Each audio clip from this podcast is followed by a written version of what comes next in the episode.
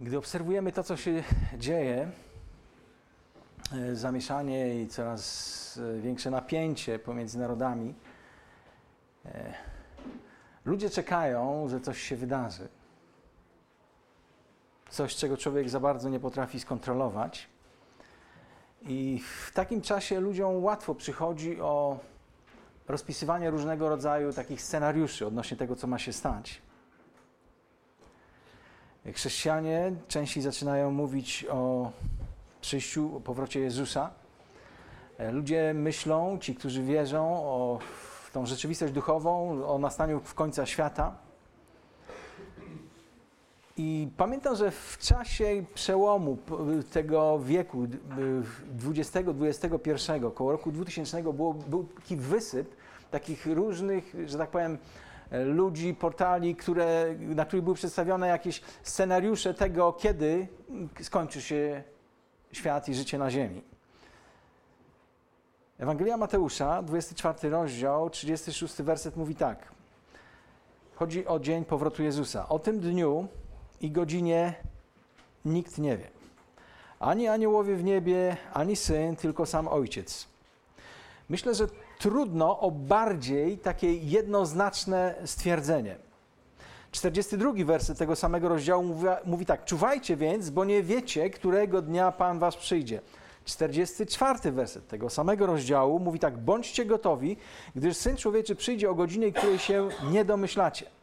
Czyli w tym jednym fragmencie, w jednym rozdziale, aż trzykrotnie mamy powtórzone, że nie znamy dnia, momentu, w którym powróci Chrystus.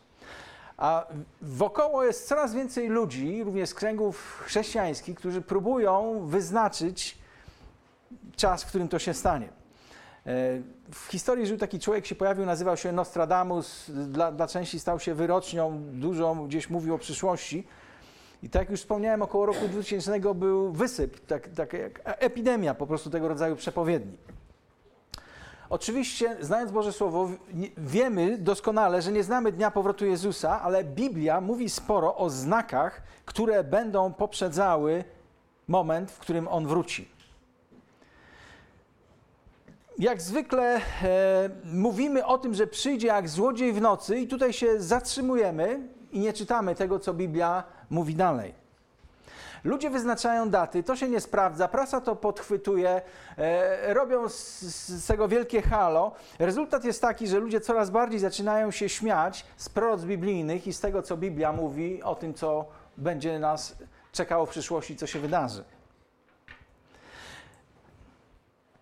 Najczęściej słyszymy kazania, e, które mówią że, o tym, że Jezus przyjdzie jak złodziej w nocy. Dalej niczego nie zwiastujemy.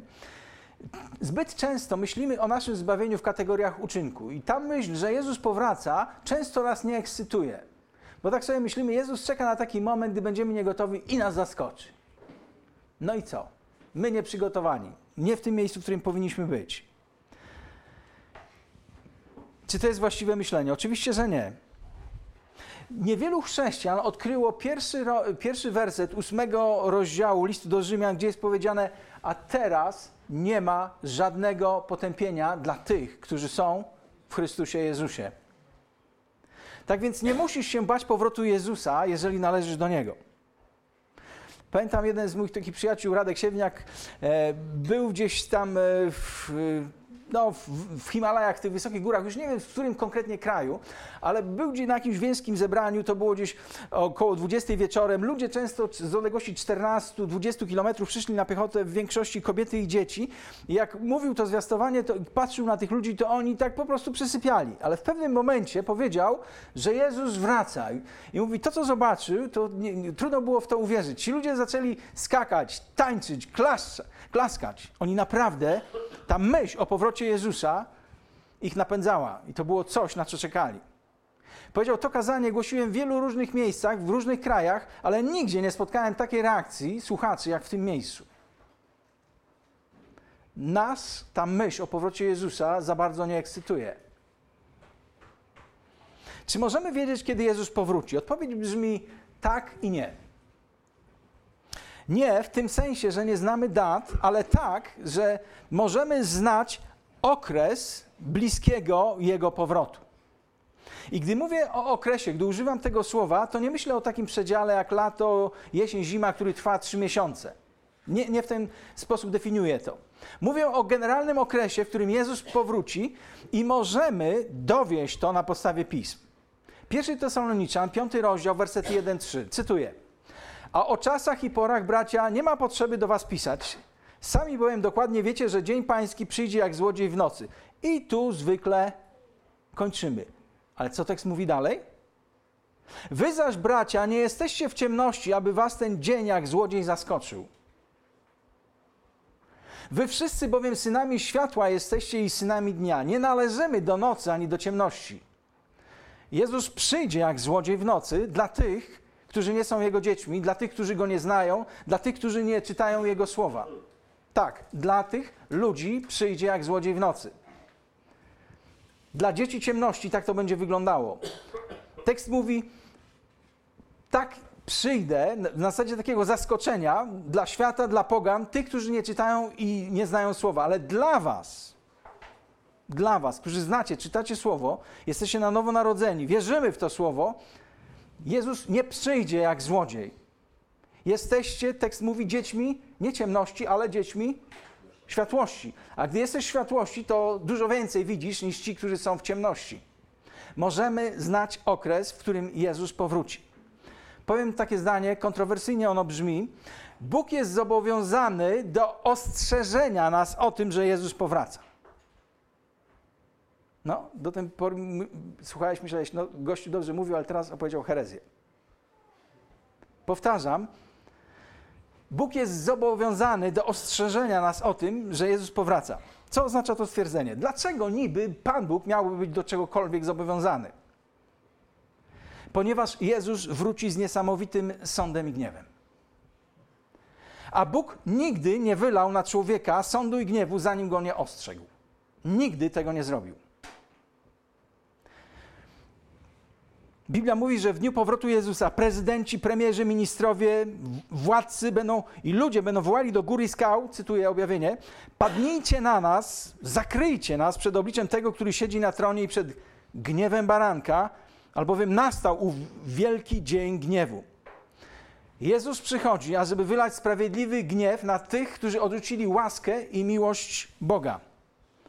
A Bóg jest zobowiązany ostrzec nas przed powrotem Jezusa, gdyż Jezus wraca, aby dokonać sądu.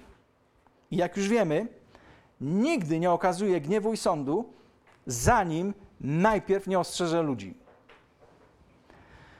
Nigdzie w Biblii nie znajdziesz sytuacji, w której Bóg wylał gniew, sąd na ludzi i wcześniej ich o tym nie, os nie ostrzegł. Co za, gdy zamierzał zesłać potop, co zrobił? Powołał Noego, tak? Przez ile lat ostrzegał? Przez 120 lat, że Bóg zatopi świat wodą. I to był okres, który poprzedzał moment wylania Bożego gniewu, Bożego sądu. Czyli Noe żył, zwiastował w okresie poprzedzającym wylanie Bożego gniewu. Czynił to przez 120 lat. Jaki to był czas? Na opamiętanie, na zmianę życia, co robili ludzie? Śmiali się, szydzili. A co Bóg zrobił? Zrobił to, co zapowiedział. Zniszczył świat wodą. A co Bóg zrobił, gdy zamierzał zniszczyć Sodomę i Gomorę? Kto się znalazł w jednym z tych miast? Lot. Abraham. Przez nich ostrzegał tych ludzi, że zamierza zniszczyć te miasta. Ludzie zostali ostrzeżeni. Co z tym zrobili? Nic. Nic. A co z Niniwą?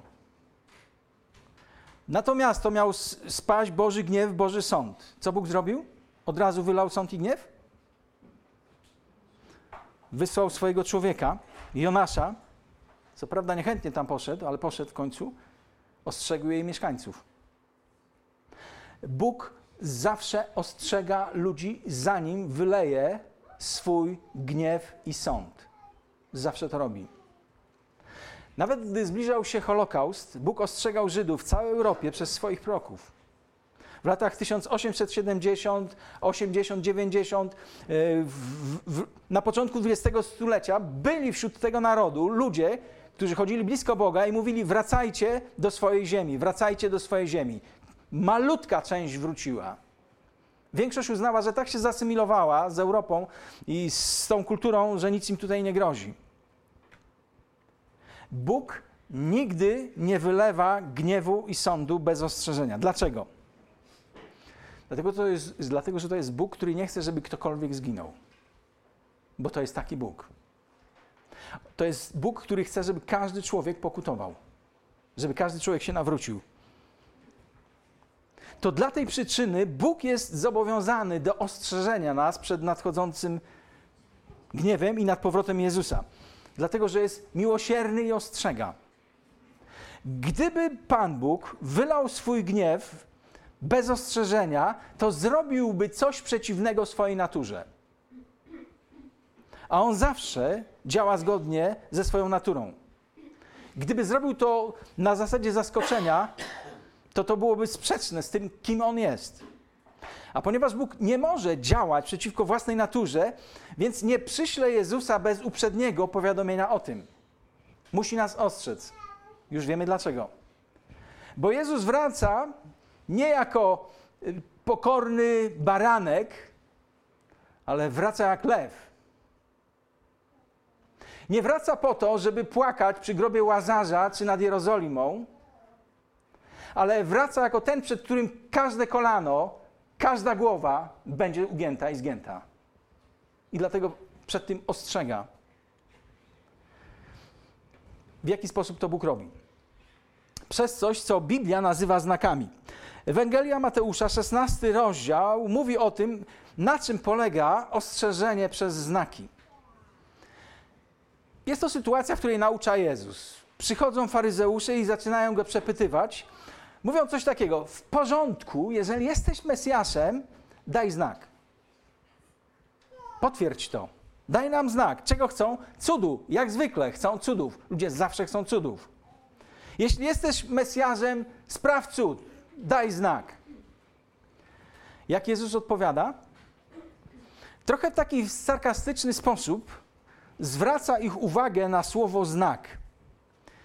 I mówi tak: Gdy nastanie wieczór, mówicie, będzie pogoda, bo się niebo czerwieni, a z rana dziś będzie niepogoda, bo się niebo czerwieni, jest zachmurzone. Oblicze, znaki nieba umiecie rozpoznawać, a znamion znaków czasów nie potraficie?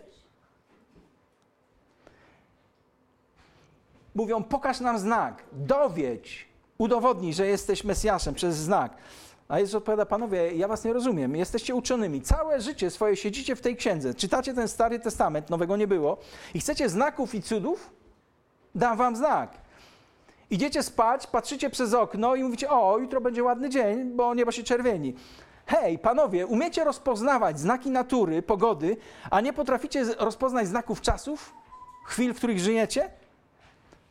To pismo, które oni czytali, ten Stary Testament, miał ponad 300 proroc, które mówiły o tym, że Jezus przyjdzie. Panowie, wy to czytacie każdego dnia. I widzicie, jak te proroctwa, które dotyczyły mojej osoby, zaczynają się wypełniać, jeśli chodzi o moje życie. I wy chcecie jeszcze jakichś znaków? O czym wy mówicie?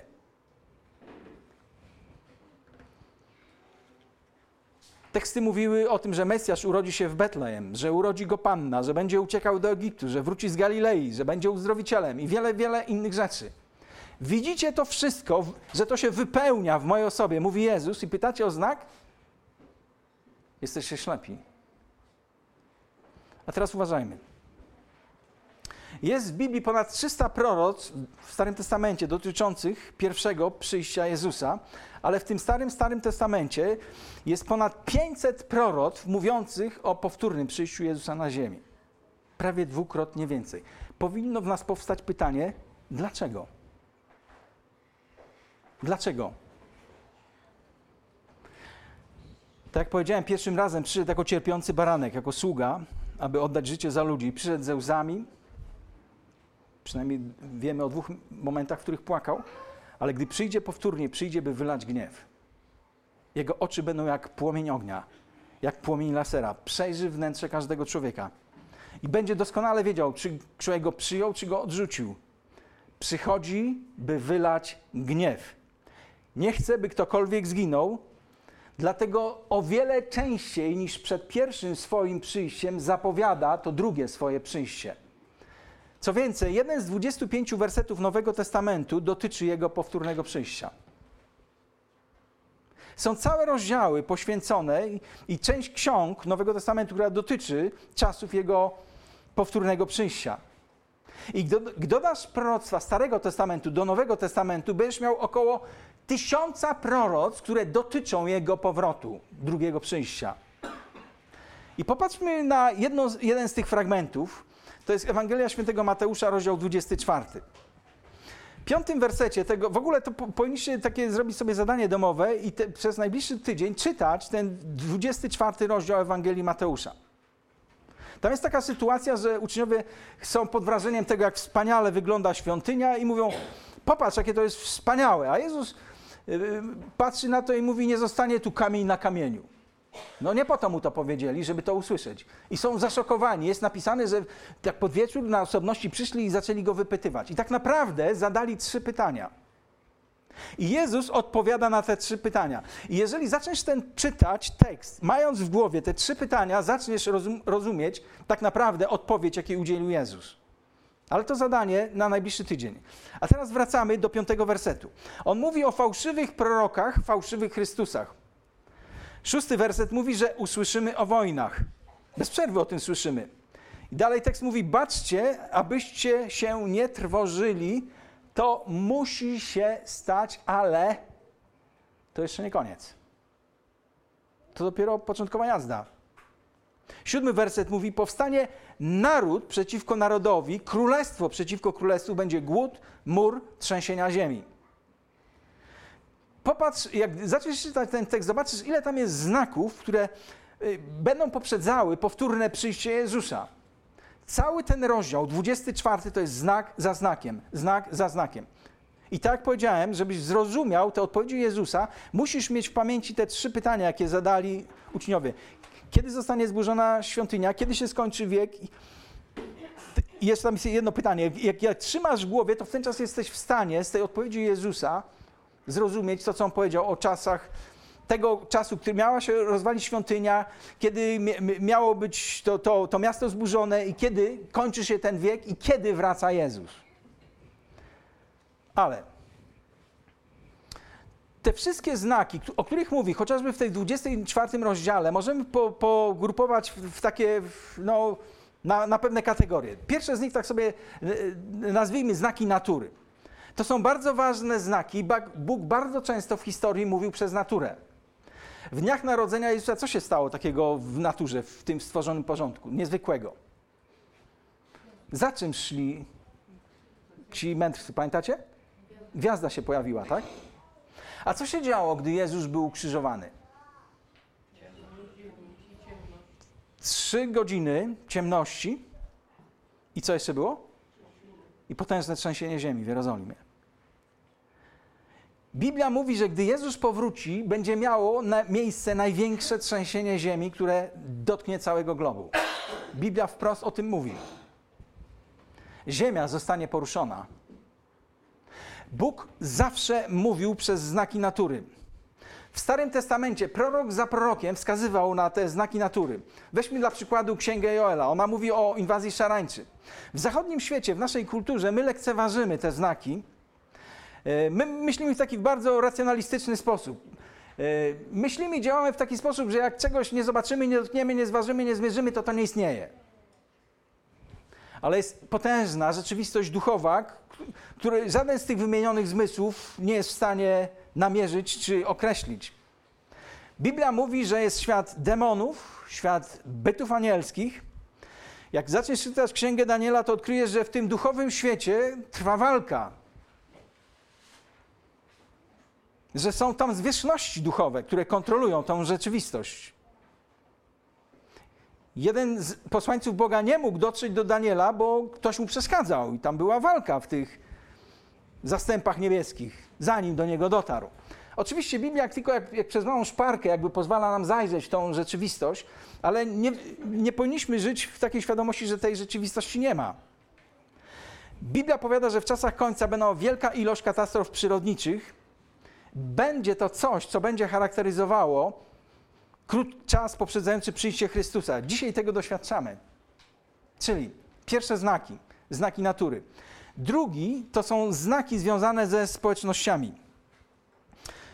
Biblia powiada, że w czasach końca społeczeństwa będą bardzo złe i zdemoralizowane. Że będzie to rzeczą powszechną. Że tak jak świat był zdeprawowany w czasach Noego, że Bóg musiał zesłać sąd, tak samo jak było w dniach Noego, mówi księga, tak samo będzie w tych czasach. Będzie nagłe obsunięcie się społeczeństw w bagno niemoralności i przemocy. Jak przeczytasz Rzymian pierwszy rozdział, drugi Tymoteusza trzeci rozdział, gdy poczytasz biblijne proroctwa, to zobaczysz, jaki obraz one malują. Ci z nas, którzy mają 30-40 lat, mogą powiedzieć, co się dzieje, co się stało z naszą moralnością w naszym kraju w ciągu ostatnich 30-40 lat. Ja pamiętam, że jak miałem gdzieś tam 50 lat temu, gdy byłem na Białorusi, to tam większość domów na wsi to nawet nie była zamykana, albo cała wieś była zamykana jednym kluczem, taką zapadką, którą wsadzałeś, tam coś tak opadało i ten klucz pasował do, do wszystkich domów we wsi. A dzisiaj? Możesz zostawić dom bez zamknięcia? Jeśli chodzi o moralność, to już nie wiem, mamy 80 płci? Może już więcej? Gdy uczyłem się w szkole y, podstawowej, średniej, nikt nawet jeden raz nie zaoferował mi narkotyków. Dzisiaj masz 11-latki uzależnione i w ciągu, ugotowane. Obróciliśmy się jako społeczeństwo, społeczeństwa plecami do Boga, idziemy w kierunku, w którym jako ludzkość zostaniemy skonfrontowani z Bożym gniewem. Kolejne znaki, znaki polityczne. Biblia często o tym mówi. One zawsze były, ale nigdy w historii tyle w jednym momencie tych rzeczy się nie działo, jak to dzieje się w chwili obecnej. Na przykład Biblia powiada, że w czasach końca będzie mocarstwo na północy, które będzie nieprzyjacielem Izraela.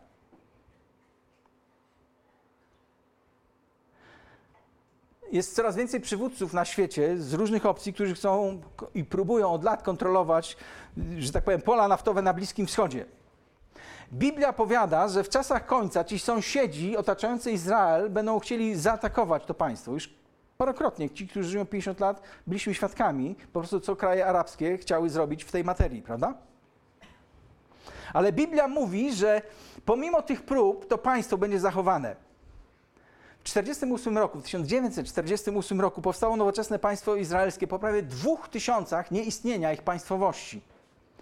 Wszyscy mówili, że to jest niemożliwe, a jeżeli już powstaną, to Arabowie ich przykryją czapkami. Pan Bóg sprawił, że powstało to państwo. Kilkakrotnie widzieliśmy, jak przeciwko to państwo było zaatakowane. Ostatecznie zrobi to cały świat. Biblia powiada, wspomina o narodzie z Dalekiego Wschodu, który będzie w stanie, objawienie mówi, wystawić armię liczącą 200 milionów, milionów żołnierzy. Biblia, objawienia o tym mówi. Dzisiaj może uczynić to jeden naród, jedno państwo. Chiny są w stanie wystawić taką armię. Co więcej, ta Biblia mówi, że w czasach końca Europa się zjednoczy. Brzmi to znajomo? To stare rzymskie imperium, powiada Daniel, będzie odbudowane. Dzisiaj to oglądamy. To jest coś niesamowitego. Ludzie przez setki lat, Napoleon, Hitler, Stalin, jeszcze wcześniej, nie wiem, Karol Wielki, próbowali zjednoczyć Europę za pomocą oręża, przemocy, na zasadzie militarnego podboju. Nagle, za naszego życia, wali się mur w ciągu jednej nocy. I nagle ta skłócona, walcząca ze sobą Europa staje się jednym organizmem. Prorok Daniel tysiące lat wcześniej o tym powiedział. Polityczna, polityczna scena świata jest przygotowana na czas końca. Biblia powiada, że w czasach końca sprawą, która przyczyni się do ostatecznej wojny i doprowadzi do ingerencji Jezusa, to będzie sprawa Jerozolimy. Wszystkie narody połączą się przeciwko Izraelowi. Zachariasz, 12 rozdział, mówi, że wszyscy będą żądali jednej rzeczy, żeby Izrael opuścił Jerozolimę. Coraz więcej tego słyszymy. Świat się zaczyna domagać, by Izrael zrezygnował z jednego miejsca, z Jerozolimy. Nigdy tego nie zrobią. Niezależnie czy u władzy będą konserwatyści czy liberałowie, nie zrobią tego i to doprowadzi według Biblii do ostatecznego konfliktu. Znaki technologiczne. Jest ich wiele. Ludzie mówią tak, a zawsze były trzęsienia ziemi, zawsze były głody, zawsze były tornada, zawsze były choroby, zawsze były wojny. No przecież to zawsze było. Czy jest w naszych czasach coś, czego przedtem nie było? Tak. Nazwę to znaki technologiczne. Księga Objawienia mówi, że w okresie pierwszego 3,5-letniego okresu tego wielkiego ucisku umrze 30% ludności Ziemi. 30%. Policzyłem to na dzisiaj, to jest 2,7 miliarda ludzi. Wyobrażasz sobie? Biblia o tym mówi.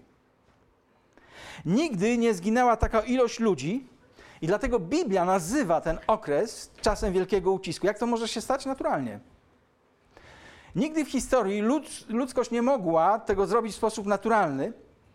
Bóg mógł zrobić to w sposób naturalny, ale działa zwykle w sposób naturalny. Do dzisiaj było to niemożliwe. Jesteśmy pierwszą generacją w historii ludzkości, która może doprowadzić do takiej katastrofy w sposób naturalny, dysponując i używając to, czym w tej chwili dysponujemy. Przez zbudowanie bomby atomowej, po raz pierwszy użytej w 1945 roku, z użyciem balistycznych rakiet międzykontynentalnych, zbudowanych w latach 50., dziś jesteśmy jako ludzie w stanie zniszczyć Ziemię. Gdyby Stany Zjednoczone i Rosja dokonały wzajemnych ataków nuklearnych, praktycznie życie na Ziemi przestałoby istnieć. Myślisz, a co mamy za sobą? Przecież są różnego rodzaju umowy, rozbroili się, tak? Pozbawili się większości swoich arsenałów nuklearnych. Naprawdę? Ponad 6 tysięcy tego rodzaju ładunków jest gotowych do wystrzelenia w stronę Ameryki. A wiesz o tym, że Ameryka też się nie rozbroiła. Dzisiaj te oba kraje mają ponad 13 tysięcy głowic jądrowych. 13 tysięcy. Po takim ataku nastąpi zima nuklearna. Miliony ludzi zamieszkujących na przykład Amerykę Południową po prostu zamarzną z powodu pyłu, nawet nie muszą być zaatakowani. Wiatry zrobią i rozniosą to całe skażenie Pierwszy raz w historii ludzkości możemy zrobić to w sposób naturalny. Weźmy pod uwagę przez chwilę to, co Biblia mówi o tej 200-milionowej armii, która przyjdzie z Azji. Wiesz, ile ludzi żyło na ziemi, gdy apostoł Jan pisał te słowa? Niecałe 200 milionów. Jan tego nie rozumiał. Prorok Daniel również nie rozumiał tego, o czym pisał. Pod natchnieniem Ducha Świętego odnośnie czasów ostatecznych. A Bóg powiedział, nie musisz tego rozumieć, ty to masz zapisać. I niektóre z tych fragmentów my w tej chwili rozumiemy, dlatego że przyszedł czas ich wypełniania się. Czy wiemy, ile czasu zajęło ludzkości, by się podwoiła z 200 milionów, czyli z czasów mniej więcej pierwszego wieku naszej ery, do 400 milionów? Zajęło to 1650 lat. W 1850 roku żyło mniej niż 1 miliard ludzi na Ziemi. 1850 rok. Dzisiaj mamy ponad 8 miliardów 170 lat później. Dlaczego? Technologia, współczesna medycyna. Gdybyśmy żyli 100 lat temu, już większość z nas by nie żyła z powodu chorób gruźlicy, chorób zakaźnych. Pierwszy antybiotyk tak naprawdę został użyty dopiero w 1929 roku. Do roku 1900 przeciętna długość życia człowieka, przynajmniej na tym północnoamerykańskim kontynencie, wynosiła 47 lat. Do roku 1900. Dzisiaj 77. Dlaczego? Technologia, nowoczesna medycyna. Już wiemy, że jedno państwo jest w stanie wystawić armię 200 milionów żołnierzy, do naszych czasów nikt nawet nie potrafił sobie tego wyobrazić. Dzisiaj jest to rzeczywistością, w której żyjemy. Biblia w 11 rozdziale Księgi Objawienia mówi o dwóch świadkach. Będą oni zwiastowali i nawoływali ludzi do pokuty. Jest napisane w Biblii, że po, po trzech i pół roku antychryst zabije ich i przez 3,5 dnia ludzie nie pozwolą na pogrzebanie ciał tych ludzi. Będą ciągle te ciała tych dwóch proroków leżały w Jerozolimie i napisane jest, że cały świat będzie mógł to oglądać. Jest napisane, że po 3,5 dnia nagle zostaną wzbudzeni do życia i napisane jest, że cały świat to zobaczy i będzie zdumiony i cały świat w jednym momencie będzie to oglądał. Jak to się mogło stać, załóżmy jeszcze 60 lat temu? Mogło się stać? 100 lat temu mogło się stać? A dzisiaj zaczyna być realne? Październik 1957 rok. Pierwszy, pierwszy że tak powiem, Rosjanie umieścili swój sputnik na orbicie i od tego momentu różnego rodzaju satelity komunikacyjne, szpiegowe, szpiegowskie jest ich coraz więcej, bez przerwy gdzieś tam okrążają Ziemię. Dziś stoi papież na, na, gdzieś tam w swoim pałacu i cały świat w jednym momencie może go słuchać i oglądać. Są mistrzostwa, e, jest olimpiada i wszyscy, cały świat w jednym momencie to ogląda. I wystarczy jedna kamera, sygnał przesłany do satelity na tych dwóch gości leżących na ulicach Jerozolimy, niegrzebanych przez 3,5 dnia i cały świat będzie to oglądał. Kolejny znak. Pokazujący, że to, o czym mówi Biblia, jest już bardzo, bardzo bliskie. A co dotyczy powrotu Jezusa? Biblia mówi o numerze 666, e, o nazwach antychrysta. Tu jest dużo spekulacji, ludzie się e, prześcigają w tych. Ale chodzi o jedną rzecz, o system kontroli. Do dzisiaj, do dzisiejszych czasów było to niemożliwe, żebyś nie mógł kupić, żebyś nie mógł sprzedać, nie mając tego znaku. Dzisiaj zaczyna być to bardzo realne. A o tym mówi objawienie. Dzisiaj możesz dać trochę pieniędzy, wszczepić, wszczepić chipa swojemu psu. Jak się zgubisz, to go znajdziesz.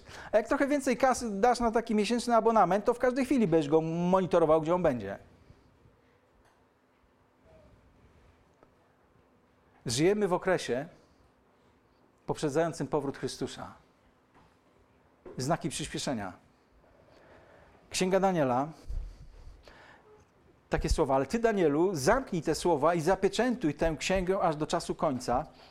Wielu będzie zabieganych i wzrośnie poznanie. I księga Mateusza 24:8.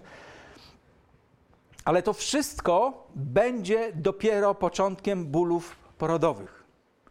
Gdybyś zapytał kobietę, która urodziła, co oznacza początek bólów porodowych, to powiedziałaby ci, że to są dwie rzeczy, które się zmieniają. Zmienia się ich częstotliwość i zmienia ich się siła, prawda? I jest ciekawe, że Jezus, mówiąc o tym, o czasach końca, użył tego słowa początek bólów porodowych. To znaczy, że te, te rzeczy, te znaki, o których mówi, będzie ich coraz więcej i będą coraz silniejsze. I w XXI wieku obserwujemy niesamowite przyspieszenie tego rodzaju zjawisk. To przyspieszenie obserwujemy we wszystkich sferach życia. Na początku naszego wieku ludzie przemieszczali się albo piechotą, albo najwyżej co tam jakąś bryczką się przemieszczali, używali jakichś zaprzęgów. E, było jeszcze co prawda maszyny parowe, ale były zbyt drogie, żeby można było to, że tak powiem, udostępnić każdemu z ludzi, prawda? Były gdzieś w fabrykach czy na jakichś wielkich jednostkach pływających. A dzisiaj Dzisiaj przeciętny człowiek może jechać samochodem z prędkością 200 km na godzinę. Dzisiaj pociągi jeżdżą nie u nas, ale jeżdżą z prędkością już ponad 500 km na godzinę. Za czasów Concordów wystarczyło 4 godziny, żebyś przemieścił się z Londynu do Nowego Jorku. Mamy rewolucję w transporcie, w komunikacji. Na początku XX wieku komunikowaliśmy się za pomocą listów i tym podobnych. Dzisiaj mamy radio, telewizję satelitarną, internet, całą masę komunikatorów. Nie wychodząc ze swojego domu, możesz podróżować po największych bibliotekach świata i czynić to w ciągu kilku minut, zmieniając kontynenty. Przyspieszenie dotyczy również uzbrojenia. Na początku XX wieku, wiemy, że była pierwsza wojna światowa, walczono za pomocą prymitywnych środków, pistoletów, karabinów. I dlatego polegało to na tym, że jedni siedzieli w okopach i drudzy siedzieli w okopach i trochę tam siedzieli w tych okopach i nie mieli takiej siły rażenia, żeby praktycznie skończyć jeden z drugim. Nikt nie miał mocy, by to przełamać. A dzisiaj? Dzisiaj dobrze wyposażony w broń nuklearną, termojądrową, statek podwodny, dobrze uzbrojony, ma siłę rażenia większą niż wszystkie ładunki wybuchowe odpalone w czasie II wojny światowej.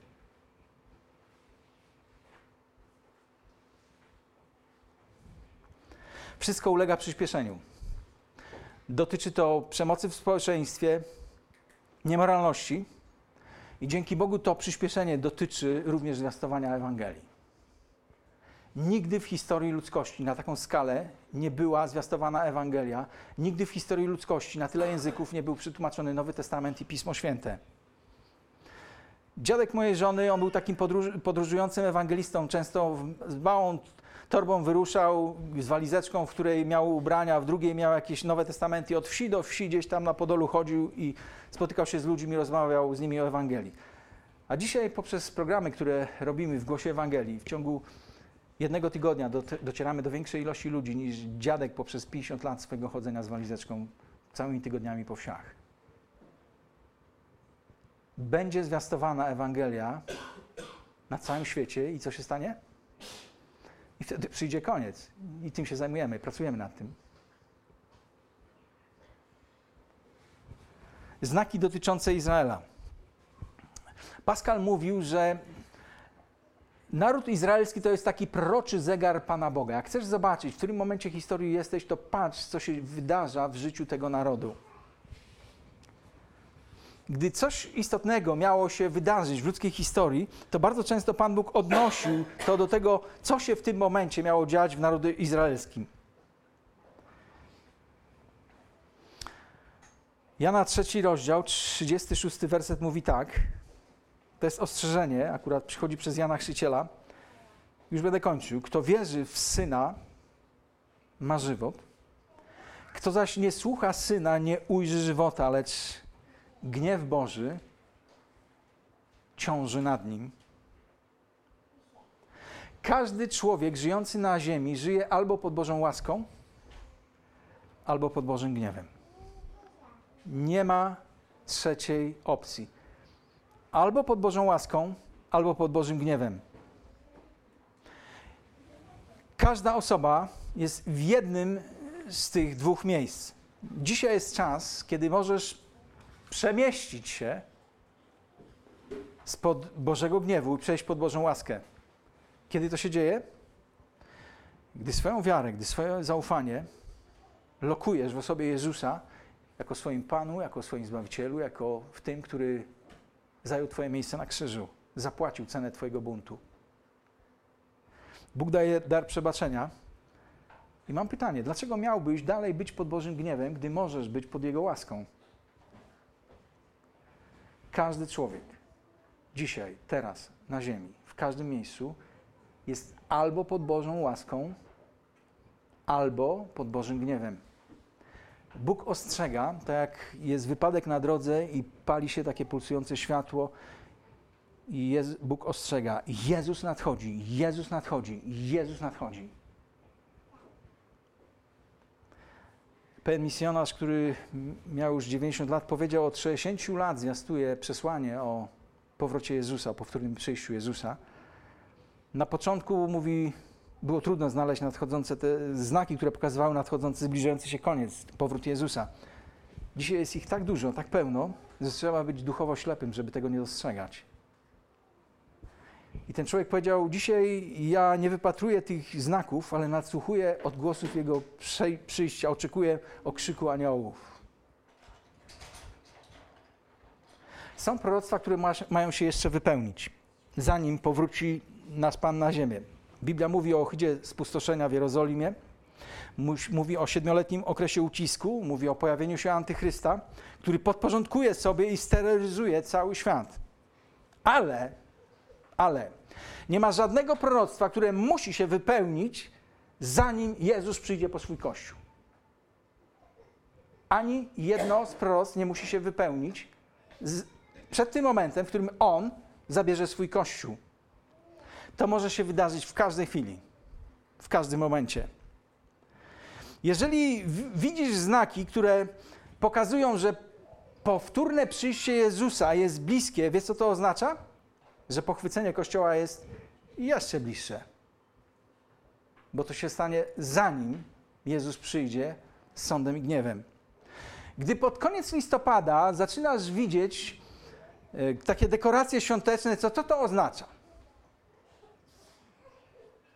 Jak zaczynasz widzieć w tych różnych sklepach, centrach te takie ozdoby świąteczne pod koniec listopada, co to oznacza? Co się zbliża? Boże Narodzenie, tak? Nie, gwiazdka jest szybciej. Gwiazdka jest szybciej. I przyjście Jezusa po Kościół jest szybsze od tego, gdy wróci powtórnie jako sędzia, który dokona sądu i wyleje gniew na całą ziemię. Znaki wskazują na powtórne przyjście Jezusa, ale gdy to wskazują, to jednocześnie informują, że zabranie Kościoła no, może nastąpić w każdej chwili. To może stać się dzisiaj. Żyjemy w okresie przełomu, żyjemy na krawędzi. Jezus wraca. Był człowiek, który się nazywał Harry Truman. Część z nas myśli o polityku, ale to nie o, o, o, o tego gościa mi chodzi. Chodzi o Harry Trumana. To był taki gościu, który był takim ekscentrykiem. On żył na zboczu wulkanu świętej Heleny. I w 1980 roku bardzo często był pokazywany w zachodnich telewizjach. Dlaczego? Każdego wieczoru pokazywano go, jak stał na zboczu tej góry, tego wulkanu, który zaczął być bardzo aktywny, bardzo czynny. Dosłownie się to wszystko trzęsło, wszystkich ludzi ewakuowano, ale Harry Truman był takim facetem, który był znany również z tego, że miał 23 koty, taki wystrzelony w kosmos trochę gościu. Wszyscy opuścili to miejsce, ale nie on. I on często mówił gdzieś w takich na żywo robionych przekazach, że on zna lepiej tą górę niż każdy z tych sejsmologów. On się tu urodził, całe życie mieszkał, ta góra nigdy nie wybuchnie. On wie, co tu się wydarzy. Pewnego wieczoru zorganizowano taki przekaz, że w, w czasie e, emisji dziennika telewizyjnego wystąpiła jego rodzona siostra, która błagała go w tym przekazie telewizyjnym, w czasie dziennika, żeby zszedł z tej góry. Bo ci wszyscy sejsmolodzy mówią, że to się źle skończy, że to za chwilę wybuchnie. Nie ruszę się stąd, nie wierzę tym naukowcom, że ta góra wybuchnie. 18 maja 1980 rok, godzina 8.38 z rana. Góra Świętej Heleny, ten wulkan wybucha z siłą 500, 500-krotnie większą od bomby, która spadła na Hiroshimę. 80 metrów wierzchołku tej góry zniknęło. Od tego momentu nikt nie słyszał o Harrym Trumanie i jego 23 kotach. Wszyscy zginęli. My często zachowujemy się podobnie. Myślimy, że mamy jeszcze tyle czasu. Tyle czasu. A jaka jest rzeczywistość? Żyjemy na krawędzi czasu. Jezus wraca. Jezus wraca. I podstawowe pytanie dla każdego z nas brzmi: czy jesteś na ten moment przygotowany? Czy przychodzi Twój Zbawiciel, czy Twój sprawiedliwy sędzia? Na kogo czekasz?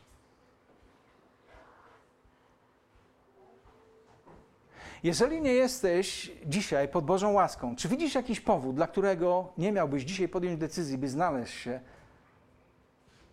nie pod gniewem, ale pod łaską? Co cię zatrzymuje? Biblia mówi dziś, jeśli usłyszysz Jego głos, nie czyń twardym, nie zatwardzaj swojego serca. Obyś w niedalekiej przyszłości nie musiał mówić tak, jak będą mówili ludzie, do gór, do skał, przykryjcie nas przed obliczem baranka, przed gniewem tego, który nadchodzi. Dzisiaj możesz przyjść do Niego jako do swojego Zbawiciela. Dlatego, że Ciebie kocha, dlatego mówi do Ciebie dzisiaj te słowa. Co z tym zrobisz? Amen.